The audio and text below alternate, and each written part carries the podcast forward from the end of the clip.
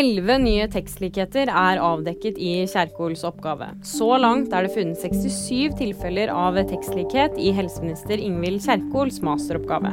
Det viser en kartlegging som VG har gjort.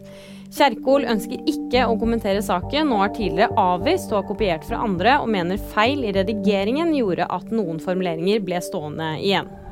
Erdogan har signert Sveriges Nato-søknad. Det er det siste steget for et tyrkisk ja til svensk Nato-medlemskap.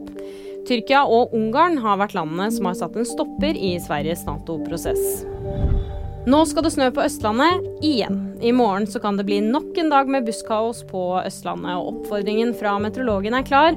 Ha broddene klare og beregn ekstra tid om du skal ut i morgen. Og nyheter det finner du alltid på VG.